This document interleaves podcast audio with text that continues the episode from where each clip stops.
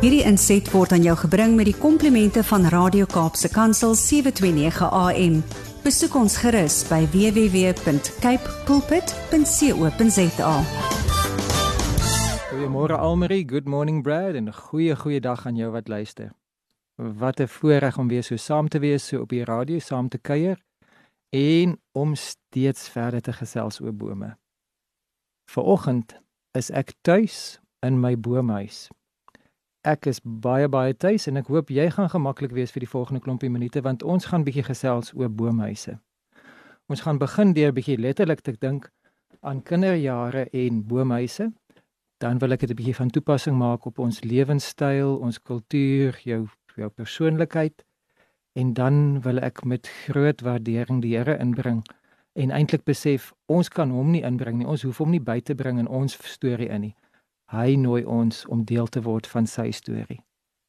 Maar kom ons val weg en ons bou vir onsself 'n boomhuis.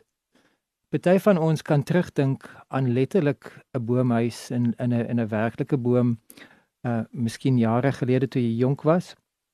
Ander van ons uh, het genoeg stories al geluister of flieks gekyk of dan in die buurt rondgekyk en en ek dink almal van ons het min of meer 'n lekker uh begrip van 'n boomhuis. En die die lekkerte van 'n boomhuis is dat dit kan vir jou 'n stukkie spasie gee. Dis gewoonlik op 'n ouderdom wat jy dalk nog nie heeltemal jou eie kamer het nie. Jy het beslis nog nie jou eie woonstel nie. Jy's nog nie onafhanklik nie. Jy's nog baie very much part of the family and very much moet jy doen wat ander vir jou sê. Maar hier is dan nou vir jou 'n plek waar jy kan gaan waar ander nie so maklik vir jou kan sê wat om te doen nie en waar jy self kan besluit hier gaan ek my grafie bære en daar gaan ek my prentjie opsit. 'n poster van 'n uh, uh so en so of 'n 'n prentjie van van van daardie held. Um Indiana Jones kan dalk daar wees of Rambo of wie ook al uh, jou huidige held is sit jy dan dalk daarop. En 'n uh, party van ons wat meer individualisties is lone rangers lone wolf jy stel dan jou boomhuis gebruik om daarin te lees of dan, dan daarin te dink of daarin uh te doen wat ook al jou stokperdjie is. Uh ander van ons wat meer groepsdiere is, sal dan sê kom kom ons begin 'n bende en ons bende kom by mekaar. Elke Saterdagmiddag na middagete, dan glip ons in en dan moet jy die, die eers die kodewoord gee, die die die toegangswoord gee voor jy mag opklim en dan moet jy of per boom of per tou moet jy inkom en dan mag ons nou sit. En dan is die driemanskap of die boksombende of wie ons ook al is is dan in sessie en dan kan ons lekker met mekaar kuier en kan ons lekker met mekaar gesels bendeplanne maak en mens kan verspied want omdat 'n boomhuis in 'n boom is het jy bietjie 'n beter vantage point. Jy kan 'n bietjie reconnaissance doen jy kan so 'n bietjie verspied. So dalk kan jy dan uh, die buurman se grasperk dophou of moontlik uh, sien wanneer uh, die bure wegtrek en terugkom want as hulle weg is is die perskeboom dalk nou onbewaak en kan ons bietjie gaan gaan geel perskes vas lê. Uh, hierdie is nie raad aan mense wat nou in stedelike gebiede bly nie want die buurtwag of die sekuriteitsfirma gaan jou vasvat. Maar in jare gelede kon 'n geel perske steel vir jou net maagpyn gee as jy dit te veel doen, maar dit sou nie noodwendig 'n kriminele rekord gegee het nie. As jy bietjie ouer is, dan kan jy van uit die boomhuis sien dat die buurman se dogter is by die huis en daar kan allerlei implikasies dan daarop wees. Maar nou ja, so het mens dan nou letterlik 'n boomhuis en so kan jy dan nou letterlik jou eie spasie hê eh, waar jy koning kraai, waar jy kan afkyk op die wêreld.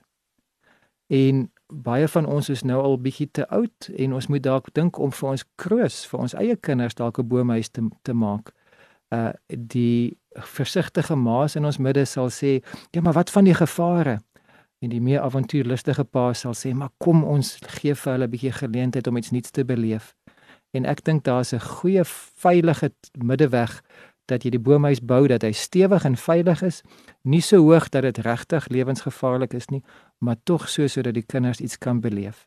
So ek wil regtig vir ouers wat die voorreg het om in 'n voorstedelike tuin of elders op 'n plot of elders waar daar bome is, oorweeg dit om of 'n swaai of 'n boomhuis of dan 'n uilhuis of iets te doen met jou boom sodat dit meer toeganklik is. En 'n bendehuis, 'n boomhuis, dit kan tog net lekker wees. Maar of jy nou self kinders het en of jy self 'n boomhuis gehad het of nie, almal van ons het ons eie binnewêreld. Jy het jou omtes rondom jou en jy het jou intes binne in jou. En ons intes verskil van mekaar net soos wat ons voorkoms verskil. Party van ons is 6 voet 4, ander van ons is 4 voet 6. Party is skraal soos ek en ander is bietjie meer rondom hulle self. So verskil ons. En ons het blou oë of ons het 'n uh, groen oë of ons party van ons het 'n glasoog, party van ons het 'n uh, verskeidenheid van uh, sproete en party van ons uh lyk pragtig met hair extensions. Ek het die voorreg om dikwels tussen 'n klomp studente te wees en die die meisies van ons ons nasie daar's soveel van hulle wat die hair extensions so pragtig laat lyk. En daar's 'n paar van die jong manne wat daai dreadlocks ook nogal kan. Hulle hulle hulle het attitude. Hulle kan wys dat hulle hulle kan rap of hulle kan hulle mening lig. So of ons nou short back and sides hare het en of jy nou dreadlocks het en of jy nou hair extensions het of jy daai lieflike krulle en kruise het wat so baie van ons in die land het ons verskil aan die buitekant. Maar een ding wat ons aan die binnekant uh, ooreenkoms het van is dat ons het baie keer ons eie spasie nodig. Ons wil individueel wees ons wil bietjie privaat wees. We need a bit of me time. We need a bit of just just drawing towards myself and finding myself weer ek hier En so dan het mens nie noodwendig letterlike boomhuis nodig nie, maar het 'n spasie nodig waar jy net bietjie kan sit and thinks, net so bietjie kan asemhaal. En dit is gesond, dit is nodig, dit is sterk aan te beveel. Maar as dit jou default word, as dit jou verstek is so 'n formele Afrikaanse woord, maar as dit jou gewoonte is om altyd net in jou boomhuis te lewe, dan is die gevaar dat mense kan jou begin beskou as aloof of as upstairs of as snobbish of as baie afgetrokke of asof jy jouself beter wil hou as ander. En ek wil vir jou sê, maak seker dat of jy nou introverties of extroverties is nie, maak seker dat jy vriendelik en beleefd en toeganklik oorkom. Goeie maniere het nog niemand skade gedoen nie en goeie maniere breek daai vals beeld af van dat jy dink jy's beter as ander. En al voel jy skaam, forceer jouself om ander te groet. Oogkontak, 'n vriendelike glimlag, 'n vriendelike uitreik na iemand anders. Maak nie saak wie die ander persoon is nie. Jy breek mure af en jy bou brûe, dis baie goed. Ons maak dan partykeer die fout om ook te dink dat net 'n uh, gaanse van enige vere mag op jou dam swem en dat ons is hier en hulle mag nie hier kom nie. Nou ons is genadiglik lankal uit, uit die politieke bestel van apartheid uit. Maar ons lewe dikwels maar nog steeds met 'n segregasie, met 'n skeiding waar ons sê net sekeres mag toegang hê tot my lewe. Nou daar is so iets soos privaatheid, daar is so iets soos veiligheid, daar is so iets soos common sense, maar ek wil jou uitdaag dat jy meer verskeidenheid sal toelaat in jou gedagtewêreld en mense van ander agtergronde leer ken. Iemand wat baie ryker is as jy, iemand wat baie minder welgesteld is as jy, iemand wat baie ouer is as jy, iemand wat baie jonger is as jy, iemand wat in die platteland groot geword het as jy 'n stedeling is, of iemand as jy 'n plaasjapie is, iemand wat in die stad groot geword het, dat jy jou lewe verryk deur mense wat 'n ander perspektief het en dat jy by hulle sal leer. Jy hoef hulle nie na te aap nie, jy hoef nie soos hulle te wees nie, maar dat jy sal leer by hulle. En dit bring my by die geestelike toepassing dat in die ander wêreldgodsdienste uh is die veronderstelling dat jy moet opklim na die godheid toe.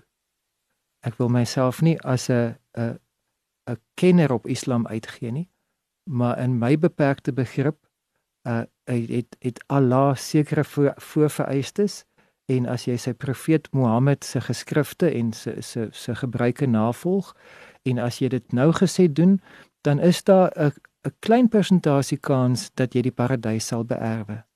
As jy in jihad jou jou lewe opoffer, dan is jy verseker daarvan jy gaan paradys toe, maar 'n selfmoordbom aanval is nie is is dan uh, die nie die aanbevole manier om sekerheid van jou van jou redding te kry nie.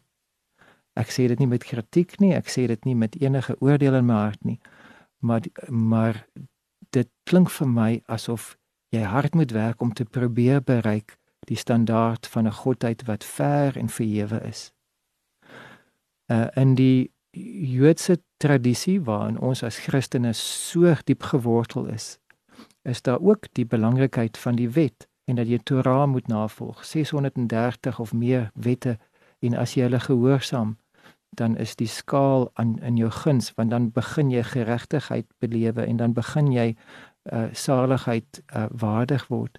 Maar as jy 'n uh, oortreder is of as jy 'n heiden is dan het jy nie daardie sekerheid van Shalom nie ons kan praat oor boeddhisme ons kan praat oor hindoeïsme ons kan praat oor soveel verskeidenheid van godsdienste maar die wonder van Jesus Christus is dat hy nie bo in 'n ivory toring hoog in 'n kasteel bo op van 'n bo staan en sê vir ons wyf en sê kom klim die trappe en word meer soos ek nie.